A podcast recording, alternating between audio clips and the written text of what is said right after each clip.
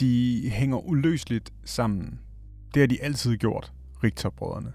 Så da en skuffet Jonathan Richter skulle spille reserveholdskamp den 20. juli 2009, var Simon Richter naturligvis på plads på tribunen. Og jeg var sådan lidt, åh mand, kom nu, så bare ud og spil og, og vis, at du skal spille. Og det, ja, ja, og så snakkede vi bare lidt sammen, og så tog jeg til kamp, og jeg tog ud med min far og, og to kammerater og så kampen. Pludselig begynder det at regne helt vildt. Og så sker det. Med et ordentligt brag slår lynet ned. husker, jeg vi sidder i en ambulance på vej ud på hospitalet, og så kan jeg huske nogle ting fra hospitalet, hvor, jeg, hvor min telefon hele, ring, hele tiden ringer, og folk spørger, hvad der er sket, og jeg, jeg kan ikke rigtig sige noget, og samtidig kan jeg ikke rigtig være der, fordi jeg er helt fortvivlet. Og det eneste, jeg siger, det er, han må bare ikke dø, han må bare ikke dø, han må bare ikke dø. Og det er sådan, det jeg sådan lidt husker for, for der omkring ulykken. I dagvis svævede Jonathan Richter mellem liv og død, og ulykken markerer en omvæltning i familien Richters liv. Størst var den selvfølgelig for Jonathan, men ulykken er lige så selvfølgelig også et traume for Simon. I den her udgave af Spiller til Spiller fortæller vi Simon Richters historie. Du lytter til Spillerforeningens podcast. Mit navn er Michael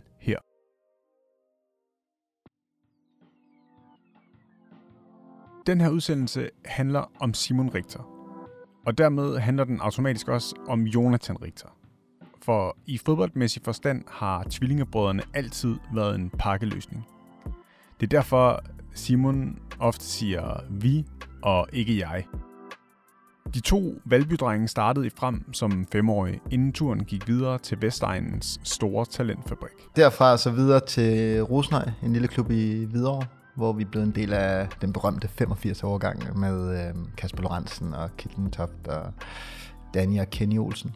Og 84'er Daniel Akker øh, og nogle andre. Og så derfra røg vi så til Brøndby. Øh, ja, med nogle af de andre 85'er. Hvordan kommer det i stand, at, at sådan et helt øh, kul rykker til Brøndby? Vi var en virkelig god overgang for Rosenøj, øhm, så det var meget naturligt, at alle de små klubber, ligesom alle de store klubber begyndte at headhunt for de små klubber, så øh, vi spillede en kamp i Brøndby, på Brøndby Stadion, kan jeg huske, øh, med Rosenøj om Sjællandsmesterskabet, hvor vi vandt på syvmands. Øh, mig og Kasper og, øh, og Henrik og Danny og Kenny var på holdet, kan jeg huske. Og så vandt vi, og så stod Brøndby par uger efter og spurgte, om Kasper Lorentzen ikke ville... Øh, han har været den store i finalen der, om han ikke ville til øh, Brøndby, og han må gerne tage Simon og Jonas med. øhm, og så på den måde kom det i stand, så var jeg ude at træne lidt, og faldt for det med det samme. Et, et fantastisk sted at, at få lov til at spille fodbold. Det er kun få kilometer, der geografisk adskiller Rosenhøj Boldklub og Brøndby IF. Men skiftet var stort. Det var, det var faktisk meget overvældende, kan jeg huske. Øhm, ja, altså vi kom derud og kom fra en lille klub som Rosenøj, hvor der er to baner og skulle træne ude i Avøre, hvor det er en del af en anden klub, og kom ud til Brøndby, hvor setup er noget helt andet. Især tøjet var sådan, okay, får en masse fedt tøj, og, og der, var bare, der var bare styr på det, ikke? Man vidste, hvad for en bane man skulle ud på, og man, omklædningsrummet var det bare helt, altså setupet var bare større, og så senere hen, hvor man også blev en del af, sådan, så man, var, var man bolddreng for førsteholdet, og, og trænerne gjorde en dyd af, at der er nogle førsteholdsspillere, der lige skulle ned og hilse på de unge spillere. Og sådan. Så man blev bare en del af kulturen derude, som gjorde, at man følte, man var en del af noget større. Talentmassen i Brøndby var stor.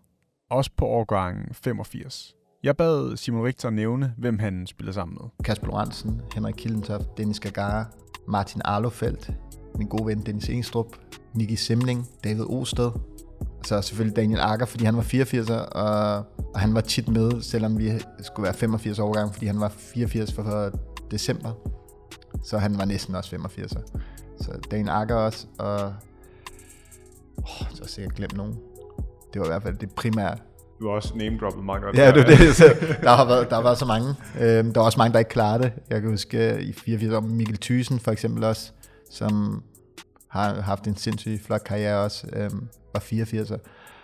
Øhm, men klarede ikke rigtig kottet, fik aldrig gennembrud i Brøndby, og tog så til, fra, øh, til frem. Det samme med Nabil Aslam, som har også en god karriere i Horsens, og Morten Rasmussen, for, for os Brøndby. Ja, kom Johan Absalonsen, og, og så kan jeg blive ved.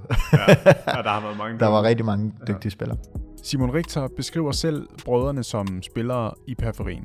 Og dermed tilhører de selv listen af spillere, der ikke så igennem i Brøndby og som måtte finde andre veje. For deres vedkommende blev det i FC Nordsjælland, hvor de to vævre dribler aftjente deres værnepligt i Danmarksserien. Ja, og det var nok en af de bedste ting, der var sket for min karriere, hvis man skulle sådan se det, fordi der blev jeg bevidst om, hvad det krævede. Der gik jeg, gik jeg for at være sådan en, øh, en, øh, en kantspiller eller en angriber, som var brokket sig så hver gang, at øh, jeg gik i en takling og næsten ikke taklede, eller til at være en hård hund, og fik flere røde kort, end jeg nogensinde har fået før. Ikke? Altså, gik fra at være den, den der pev, til at være den, der, der gav ud. Så det, det gjorde noget rigtig godt for min fodboldkarriere, eller for min person i forhold til, til fodboldspilleren Simon. Øhm, det, det gav mig virkelig hår på brystet. Så på den måde, så vil jeg råde alle unge spillere, som har spillet til at tage nogle, nogle år sådan, sådan et sted i Danmark eller i anden division, hvor, det er, hvor der er lidt mere tons for, at der er nogle ældre spillere, der kan sætte en på plads. Det gav rigtig meget for mig i hvert fald. Holdet var lidt bygget op omkring øh, os og et par stykker, øh, ja, to andre eller sådan, som ligesom var kernen. Øhm, og det gjorde bare, at vi fik den frihed til at, at lære at lave de fejl, og lære at slå os, og lære, og lære at sige, nej, jamen, hvis, hvis vi ikke stepper op, så taber vi. Eller sådan.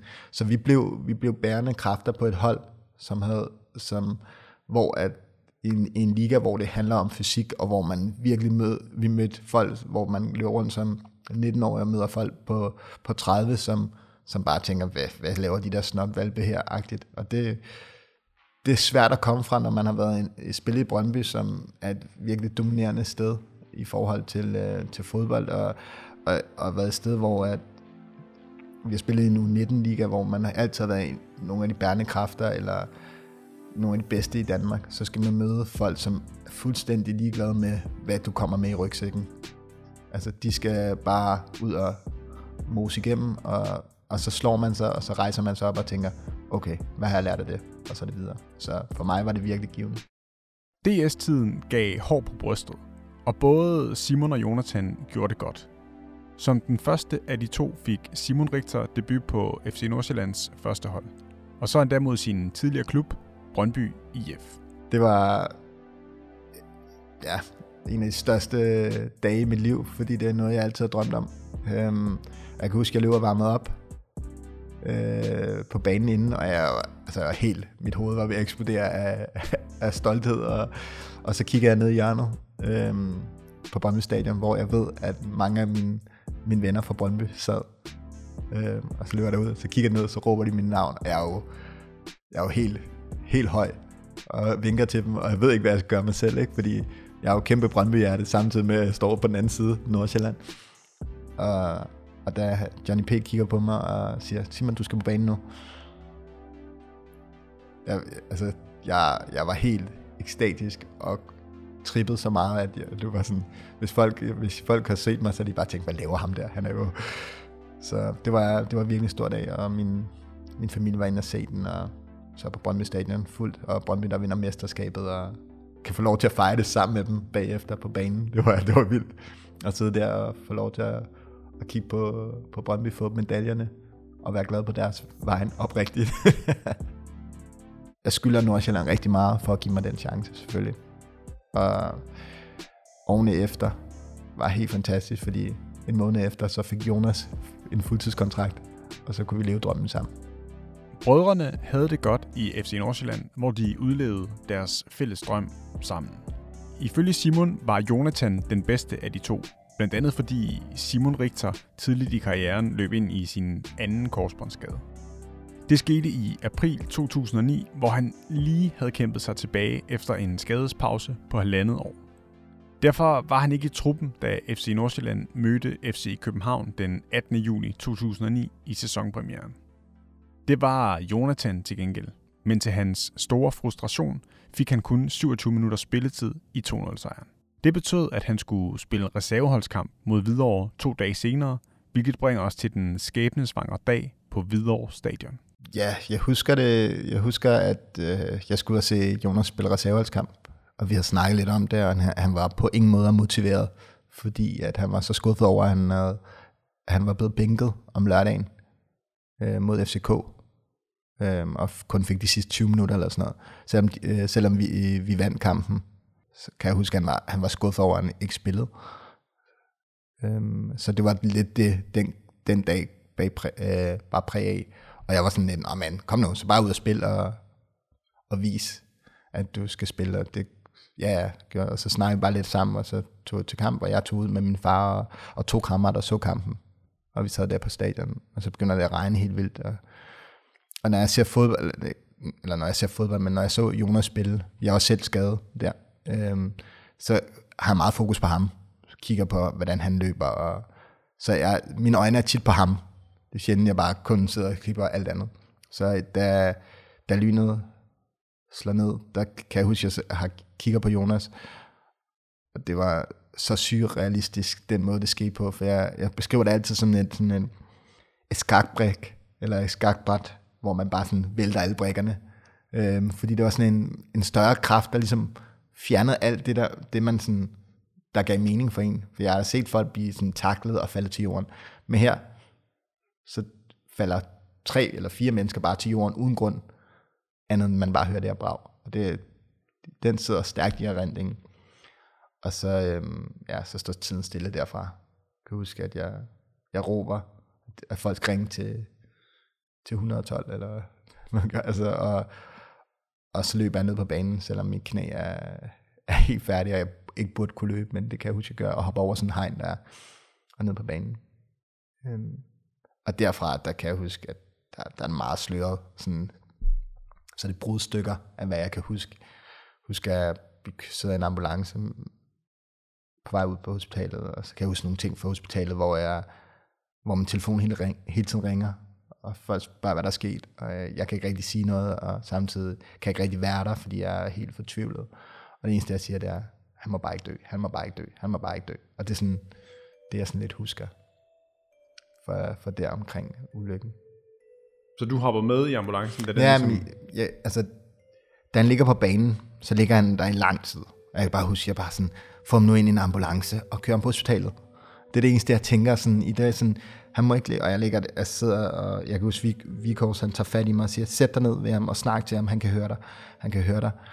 Og så sætter jeg mig ned på knæ, og jeg er helt grædefærdig og siger, du må ikke dø, du må ikke dø, jeg er lige her, et eller andet, du må ikke dø. Jeg tror ikke, jeg siger andet end det. Og så kommer ambulancen, og de er i gang med, og jeg bliver rykket lidt væk, og jeg står bare helt paralyseret og kigger. Og så kommer min mor lige pludselig løbende, fordi der folk har ringet. Hun kommer ud og helt forvirret, sådan sammen med min lille søster, tror jeg. Og min far sidder stadig på tribunen og kan ikke bevæge sig. Han er helt paralyseret. Og, og så øh, bliver jeg kommer ind i en, eller anden, en af de der ambulancer eller redningsvogne, eller hvad det er. Og så kommer jeg ud på hospitalet, og, jeg, altså, og vi får jo ikke rigtig noget at vide, hvad, hvor slemt det er. Men vi ved bare, at, at han, han bare svæver mellem liv og død. Og det er ligesom det, der går de næste mange, mange timer på. Ja, og, og de næste dage, vel i virkeligheden? Ja, ja, ja. Han koma i de der... Ja, han var i koma i 10 dage, tror jeg. Og det var, ja, værste 10 dage i mit liv, tror jeg.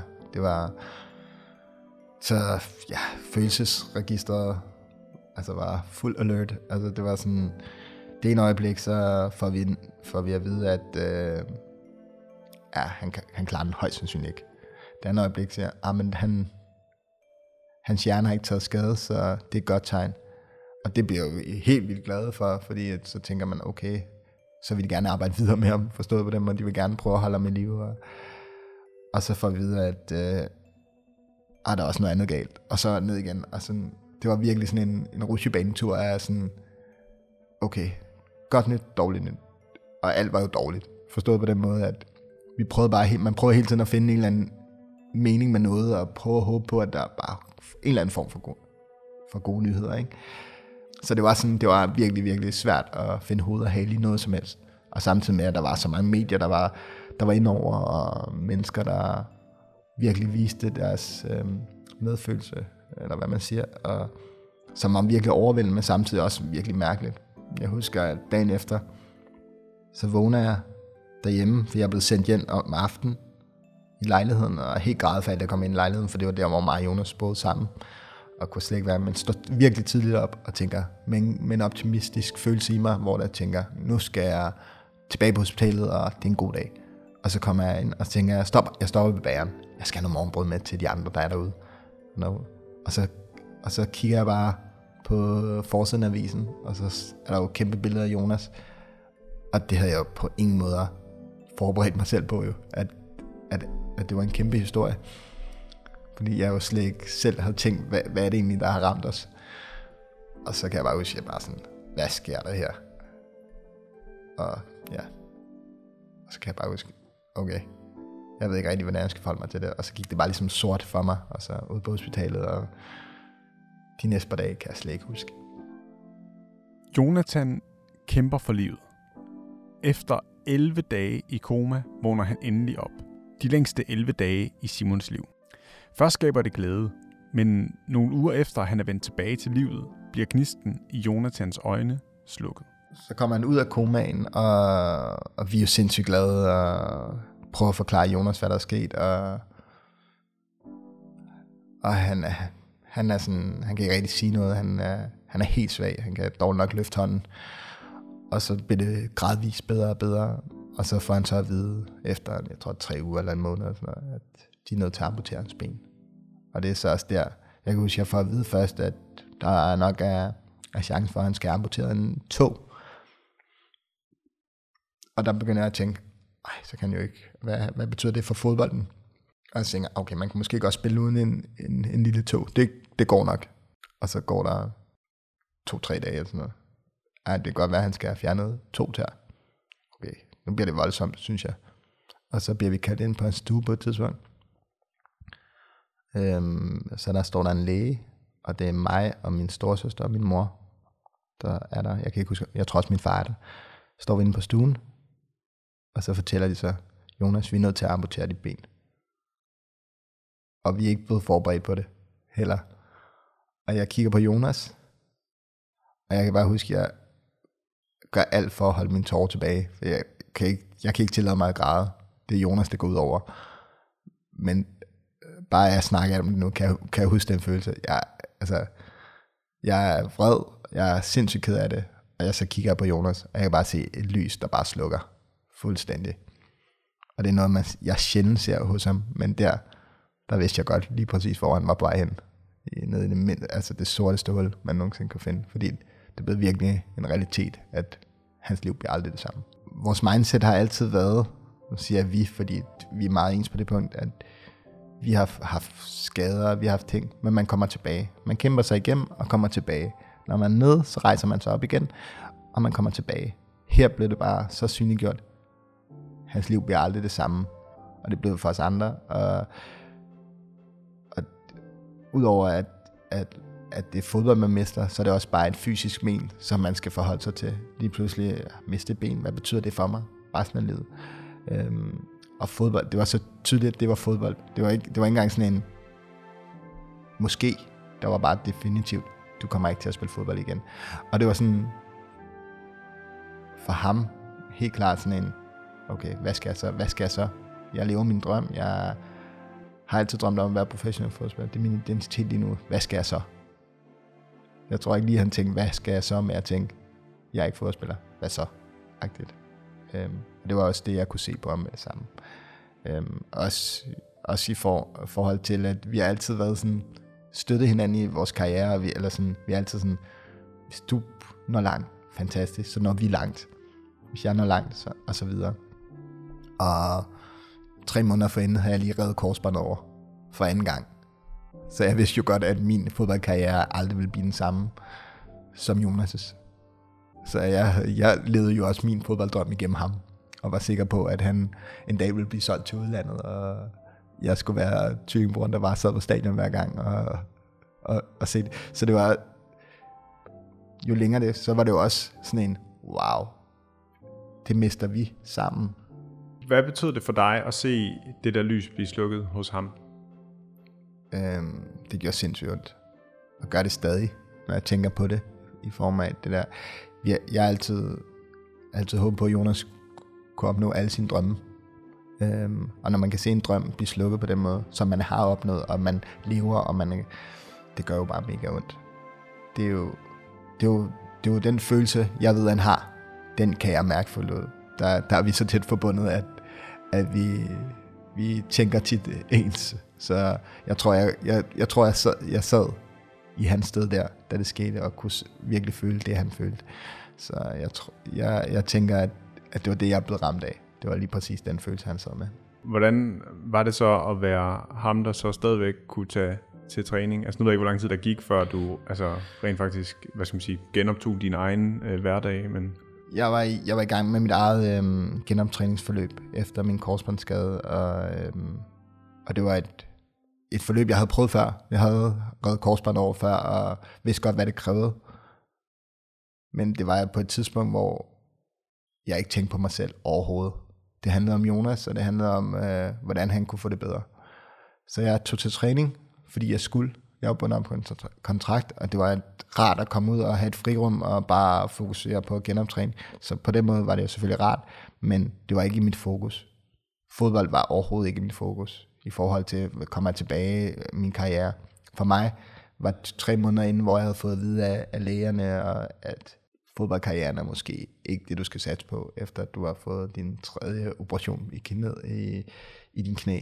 Og det havde, var egentlig, jeg tror, rimelig afklaret med, forstået på den måde, at jeg har givet det skud, fået nogle alvorlige knæskader, det er jo det, der sker, og det er mega sørgeligt, men nu Jonas gør sit på banen, og det er fedt, og jeg ser det og støtter, og så kunne jeg bare træne og enten blive klar, eller så var det bare det.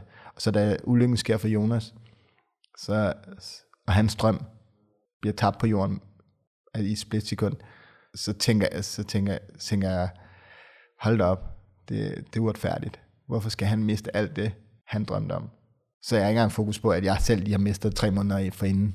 Og der er så, ja, der er træning og, og prøve at komme tilbage på fodboldbanen, gør jeg det af pligt. Og fordi det er dejligt frirum og have lidt fokus, men jeg er ikke rigtig fokus på det. Jeg er gået ind i mig selv, og det eneste, det handler om, det er, at Jonas skal blive rask. Men så parkerer du vel også dine egne følelser der? Ja, ja, og det, det gjorde jeg fra starten. Jeg er også blevet bevidst om, at, at jeg har haft rigtig svært ved at dele med mine egne følelser i forhold til hele det her trauma, jeg har været igennem. Og når man har været igennem et trauma, så sætter det sig sine spor, og det gør det for alle. Øh, for mig var det meget, at jeg gik ind i mig selv og, og projekterede alt, min fred og mine følelser ud på alt andet. Jeg løb meget hellere forholde mig til alle andres problemer end mine egne. Øhm, og her var, handlede det jo, var det så åbenlyst, at det handlede om Jonas' problemer. Så jeg var der bare for Jonas, øh, alt det jeg kunne være. Og hvis du spørger, om jeg vil lave det om, det vil jeg ikke. Men jeg tror ikke, jeg har forholdt mig så meget til mine egne problemer i den tid. Kom det så, altså nu, hvis vi siger som en regning, så lyder det så negativt, men, men altså kom det så til dig senere? Altså har det indhentet dig på en eller anden måde? Det har nok sat sin spor. Øhm, jeg, er, jeg er nok ikke så god til at dele med, med mine egne følelser stadig, stadig den dag i dag. Jeg er mere bevidst om det og bedre til at snakke om dem, men det har da sat sin spor. Og jeg, jeg husker også, at øh, selvom et år, et, hvad det, et halvt år efter ulykken, at Nordsjælland øh, vil rive min kontrakt over, fordi at øh, noget med en klausul om, at hvis jeg blev mere skadet, så må havde de lov til at, at rive kontrakten over, fordi jeg ikke har spillet en, nogen antal kampe og sådan noget. Jeg synes, det var færdigt, men jeg var lidt ligeglad. Øhm, og jeg var så heldig, at, øh, at jeg havde Spillerforeningen til at, ligesom at rådgive mig i, at det må man ikke, og endte med, at jeg fik, øh, at der gik for lige i sagen, og jeg fik, øh, at, at jeg fik nogle penge med for den kontrakt, jeg så ikke fik. Men faktum var det, at, at jeg ikke var en del af Nordsjælland mere et halvt år efter min brors ulykke, og det var mega, mega hårdt i forhold til, hvis jeg skulle have bibeholdt en fodboldkarriere. Fordi jeg havde eller andet sted et år tilbage af min kontrakt. Men det var ikke i mit mindset. Altså, det havde nok været rigtig godt, hvis jeg havde, fordi så havde jeg et fast sted, hvor jeg kunne få min genoptræning, og hvor jeg kunne begynde at komme, komme på sporet igen, fordi jeg, er stadig, jeg ville stadig tage til træning, det var ikke sådan, så jeg ikke ville det, men jeg havde brug for, at der er nogle andre, der tog nogle valg for mig. Øhm, Så det er, jo, det er jo en ting, jeg tænker tilbage på, var, som var mega ærgerligt. Øhm, men også noget, som, som på det tidspunkt var fuldstændig ligegyldigt for mig, fordi det kun handlede om, at Jonas skulle blive rask. Hverken Jonathan eller Simon Richters liv blev nogensinde det samme. Før betød fodbold alt. Sådan var det ikke længere. Efter forlidet med FC Nordsjælland genfandt Simon Richter glæden ved fodbold i Fremad Amager, hvor han kom til efter et mislykket ophold i AB. Og fra fremmed Amager skiftede han til HB Køge, hvor han spillede en sæson i Superligaen og to i første division. Men fodbold betød altså ikke længere det samme. Det var en prioritet, for jeg var bundet op på nogle kontrakter, og, sådan, og, og når jeg er i noget, så vil jeg gerne gøre det bedste, jeg kan. Men det blev aldrig min første prioritet. Den glæde, som, som Superliga-kampe gav mig i Nordsjælland, hvor jeg bare synes, det var det fedeste i verden og sådan noget. Det nåede jeg aldrig i HB Køge. Og det jo kan være, at fordi Jonas ikke var der, eller at jeg ikke delte det med ham, eller mit mål om at, at spille den her kamp for at komme videre, eller som jeg havde i Nordsjælland, ikke var til stede. Det kan godt være, at det var derfor, at det blev lidt sekundær, eller det kan jeg ikke kunne sige, eller det skal jeg ikke kunne sige, men, men der var der kampe, hvor jeg tænkte, nå ja, okay, godt være, vi skal til, til, til Midtjylland og spille Midtjylland, men det tænder mig ikke helt vildt. Jeg gør det, fordi at nu kan jeg, og jeg elsker at konkurrere på det bedste, men at spille Superliga for HB Køge var ikke, var ikke drengedrømmen. Det, var ikke, det, kunne ikke, det, det kunne ikke få mig helt op at ringe. Jeg nød stadig at være på Brøndby Stadion eller i parken, eller hvad det er, men ikke på samme måde, som det var i Nordsjælland. På ingen måde. Det var bare en kamp om søndagen. Det var blandt andet Bo Storm, der var med til at lokke Simon Richter til HB Køge. En god ven. Men Simon Richter har ikke dårlig samvittighed over, at han var, hvor han var. Dengang, hvor jeg spillede i Nordsjælland, eller sådan generelt, har jeg aldrig haft en sygedag, for eksempel, fodboldmæssigt. Det, jeg skulle virkelig ikke kunne komme ud af døren for at have en sygedag. Og det her, og det mindset efter ulykken og efter i forhold til fodbold, det blev bare ikke det er altid blevet prioriteret højt, men ikke som det aller, aller vigtigste. Øhm, og der kunne jeg godt have en sygdag, eller jeg kunne godt, hvis der var noget andet, jeg følte, at der var vigtigere. Og det var der bare efter øh, nogle gange. Så, så jeg tror, Bo, som kender mig, rigtig, kender mig rigtig godt, og i forhold til, kunne godt mærke, at nogle gange var der noget, der var off. Men, men samtidig har det at være på fodboldbanen altid givet mig glæde. Jeg har altid elsket at træne for eksempel. Så jeg har ikke, jeg har ikke haft sådan en, åh, nu er jeg her, nu gider jeg ikke. Fordi når jeg var i det, så gjorde jeg alt for at være i det, for jeg elsker at træne, og jeg elsker at være i det. Men hele det der motivation for at gøre det, var ikke den samme. Det er mest det der med sådan, jeg har ikke sat mig ind i, hvad det krævede. Um, nå, hvis du skal spille første division, skal du også leve på sådan den her måde, eller du skal gøre sådan her. Det har jeg ikke tænkt. Jeg må spille, så længe jeg kan, og så må folk tage mig, som jeg er. Folk skal ikke fortælle mig, hvad jeg skal spise, eller folk skal ikke fortælle mig, om jeg må tage på festival. Eller, altså, den, det mindset, jeg har gjort det, jeg har følt var rigtigt. Øhm, og så må folk tage det, eller lade være. Og det har ligesom været det mindset, hvor hvis jeg havde spillet i Nordsjælland, eller da jeg spillede i Nordsjælland, og sammen med Jonas, og noget, så ville jeg, hvis en, en sagde, at jeg skulle gøre det her for at opnå det her, så havde jeg gjort det. Under, under 20. Men sådan var det bare ikke bagefter. Men, for der er et men til den her sidehistorie.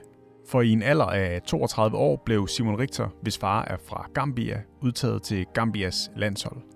På det tidspunkt var Richter kommet til FC Roskilde efter tre gode år i HB Køge. Og landsholdsfodbolden tændte noget i ham. Da jeg var 20 år eller sådan noget, fik jeg muligheden for at være på ungdomslandsholdet øh, med Danmark øh, til en samling, som var noget af det største, jeg prøvede. Den der følelse, den der patriotiske følelse, man får, når man er på landsholdet. Og jeg har for både Danmark og Gambia, øh, men især Danmark selvfølgelig. Og da jeg så får muligheden at spille på det gambianske landshold, fordi at der, jeg har en fætter i Gambia, der siger, kunne du ikke være interesseret i det? Øh, jo, hvis de spørger mig. Det er ikke noget, jeg selv kommer til at opsøge. Det, det, det ligger ikke til mig. Øhm, og så lige pludselig fik jeg en mail om, er det noget, du er interesseret i? Og jeg må lige tjekke den der mail to gange, når der kommer en mail fra, fra et sted, man ikke lige kender. Og den var god nok, og så blev jeg inviteret afsted. Og jeg gav det skud, og det var det bedste, jeg har gjort for mig, i forhold til fodbold i hvert fald. Fordi det var at få nogle virkelig fede oplevelser, og samtidig gav det mig en helt ny motivation for fodbolden. Og hvis jeg havde gjort det, som da jeg spillede i HB Køge 5, så havde min mindset været helt klart noget andet, fordi der spillede jeg med nogle af de bedste spillere, øh, eller nogle af de bedste spillere i Afrika, som, som øh, spiller i de bedste ligaer rundt i verden, både Serie A og Premier League osv., og, og få lov til at måle sig med det, og mærke, at man kan være med, gav en sindssyg motivation, og jeg ville da ønske, at, øh, at jeg gjort det tidligere i forhold til, at jeg måske har haft et mindset om, hvad kan du opnå med din karriere, i stedet for at bare spille, fordi jeg synes, det var det fedeste, men måske have, have, have et endgame med min fodboldkarriere. Det gav jo også en motivation i forhold til, at jeg altid gerne ville være den bedste i det, jeg lavede, øhm, og ser på fodboldbanen, men, men det gav jo også en, øh, en motivation, fordi jeg gerne ville udtages igen. Øhm, og når jeg så spillede godt og scorede mål, eller hvad det nu var, så ved jeg også, at de hører om det, og synes, okay, han er spændende, og han skal udtages igen. Så det gav helt klart en motivation. Øhm, og det er også derfor, jeg sådan, i fodboldwise og i forhold til karrieren, vil jeg da ønske, at jeg havde gjort det tidligere, for det var helt klart en motivationsfaktor for at tænke karrierevejen, frem for bare at tænke fodbold. Det gør mig glad. Og når det så er sagt, så gør det mig stadig glad, og på den måde vil jeg ikke ændre det, men karrierewise, hvis jeg skulle have mere ud af den, så ville jeg gerne se, hvor langt jeg kunne drive det. Det er selvfølgelig nogle andre forhold, øhm, både, både økonomisk, men også, også realistiske billede af, hvad, hvordan ting skal være. Øhm, mange af de spillere, første gang jeg var afsted, var, var spillere, de prøvede ligesom at samle et, et nyt landshold, fordi det ikke er gået så godt i nogle år, og så prøvede de at få de mennesker, der havde, havde nogle rødder i Gambia, og som, som mig og, og andre, og prøvede at lave et nyt stærkt landshold. Øhm, og det tog tid, og, og de havde jo ikke en idé om, hvad vi kom fra. Jeg kommer fra, fra Danmark, hvor at meget, vi er enormt godt skolet. Øhm, og så er der nogle spillere, som, som, som har, er lykkerider, og har fået gennembrud i, i en klub i Belgien, eller et eller andet, som måske har, har et helt andet mindset. Og så er der den lokale, som kommer fra at tjene ingenting. Og så har vi Stjernen, som spiller i Sampdoria, og er sindssygt godt skolet, fordi han spiller på det allerhøjeste plan, men er også vant til at skulle have spidse albuer, fordi han konkurrerer med det. Så kontrasten var rigtig, rigtig stor, men sammenholdet var enormt godt, og det var fantastisk at være, være vidne til. I sommer stoppede Simon Richter så sin fodboldkarriere, inden han altså genoptog den igen. For han er tilbage i Danmarksserien, hvor han nu repræsenterer Tornby FF. Ja, men altså, det er også det, der er lidt svært, fordi at jeg er jo ikke, jeg spiller jo ikke fodbold for at bibeholde en eller anden karriere, og det har jeg nok ikke gjort i mange år. forstået mig ret. Øhm, jeg har heller ikke været sådan den der ude og sige officielt, nu stopper jeg, eller sådan. Det ligger bare ikke til mig. Øhm, jeg er mega stolt af det, jeg har opnået øh, fodbold-wise, men det skal ikke lyde arrogant, men efter Nordsjælland og efter, efter ulykken, har det handlet om, at jeg har spillet fodbold, fordi jeg ikke kan lade være, og fordi jeg elsker det, og jeg har været så privilegeret og heldig, at jeg stadig kunne tjene nogle penge på det, og fået fantastiske oplevelser med landsholdet, og, og med de klubber, jeg nu har været i, er noget, jeg er evigt taknemmelig for. Men karrierewise har det aldrig, er det ikke det, jeg tænker tilbage på. Min karriere stoppede. Fodbold, altså drømmen om den helt store karriere stoppede i hvert fald, da, da lynet slog ned. På den måde er det en meget god forlængelse i virkeligheden af dit, øh, af, af dit mindset og din, øh, din måde at tilgå fodbold på. Altså fordi, som jeg hørte så dengang øh, i Nordsjælland, så var det den der, øh, jeg forstår mig ret, sådan professionel fodbold, og sådan så fodbold som en karriere og som et arbejde. Det, ja, hvor det, det, var, mere... det, ja, det bliver man jo også, det er jo det, man lærer, når man kommer i et fuldtidssetup som Nordsjælland, og hvor, hvor man, øh, hvor man lære at blive professionel. Det er jo en hel uddannelse i sig selv at blive professionel. Og det er jo også noget, jeg vil tage med mig øh, altid, også årene efter ulykken. Men, men der var drømmen om at være i Nordsjælland for også at komme videre. Og det har det aldrig været efter. Hvis jeg kan sige det sådan. Drømmen om at komme videre var ikke, var ikke min mindset efter ulykken. På, på baggrund af, at jeg har haft læger, der har sagt, at din knæ ikke kan holde til det alligevel. Øhm, og så den betydning, det har haft for mig, har ikke været min første prioritet overhovedet efter ulykken. Det har været Jonas og, og komme videre og have det godt. Og det har I begge to nu? Det har jeg i hvert fald. Ja. Øhm, rigtig, rigtig godt. Strålende. Det er et godt sted at stoppe, synes jeg. Øh, ja, minder der er et eller andet, du undrer dig, at jeg kan spurgt til, eller du gerne vil have med. Nej, jeg føler bare, at jeg har snakket derude af, så jeg håber, du kan bruge det. det kan jeg helt sikkert. Øh, jamen, tusind tak, fordi du ville øh, være med i vores øh, podcast. Selv tak. Du har lyttet til Spiller til Spiller, der er Spillerforeningens podcast. Tak fordi du lyttede med.